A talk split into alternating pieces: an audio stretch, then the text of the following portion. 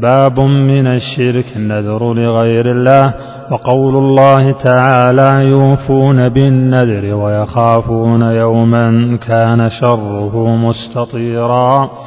وقوله وما أنفقتم من نفقة أو نذرتم من نذر فإن الله يعلمه.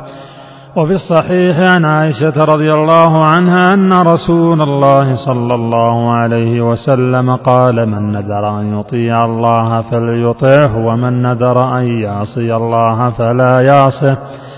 فيه مسائل الأولى وجوب الوفاء بالنذر الثانية إذا ثبت كونه عبادة لله فصرفه إلى غير الله شرك. الثالثة أن نذر المعصية لا يجوز الوفاء به.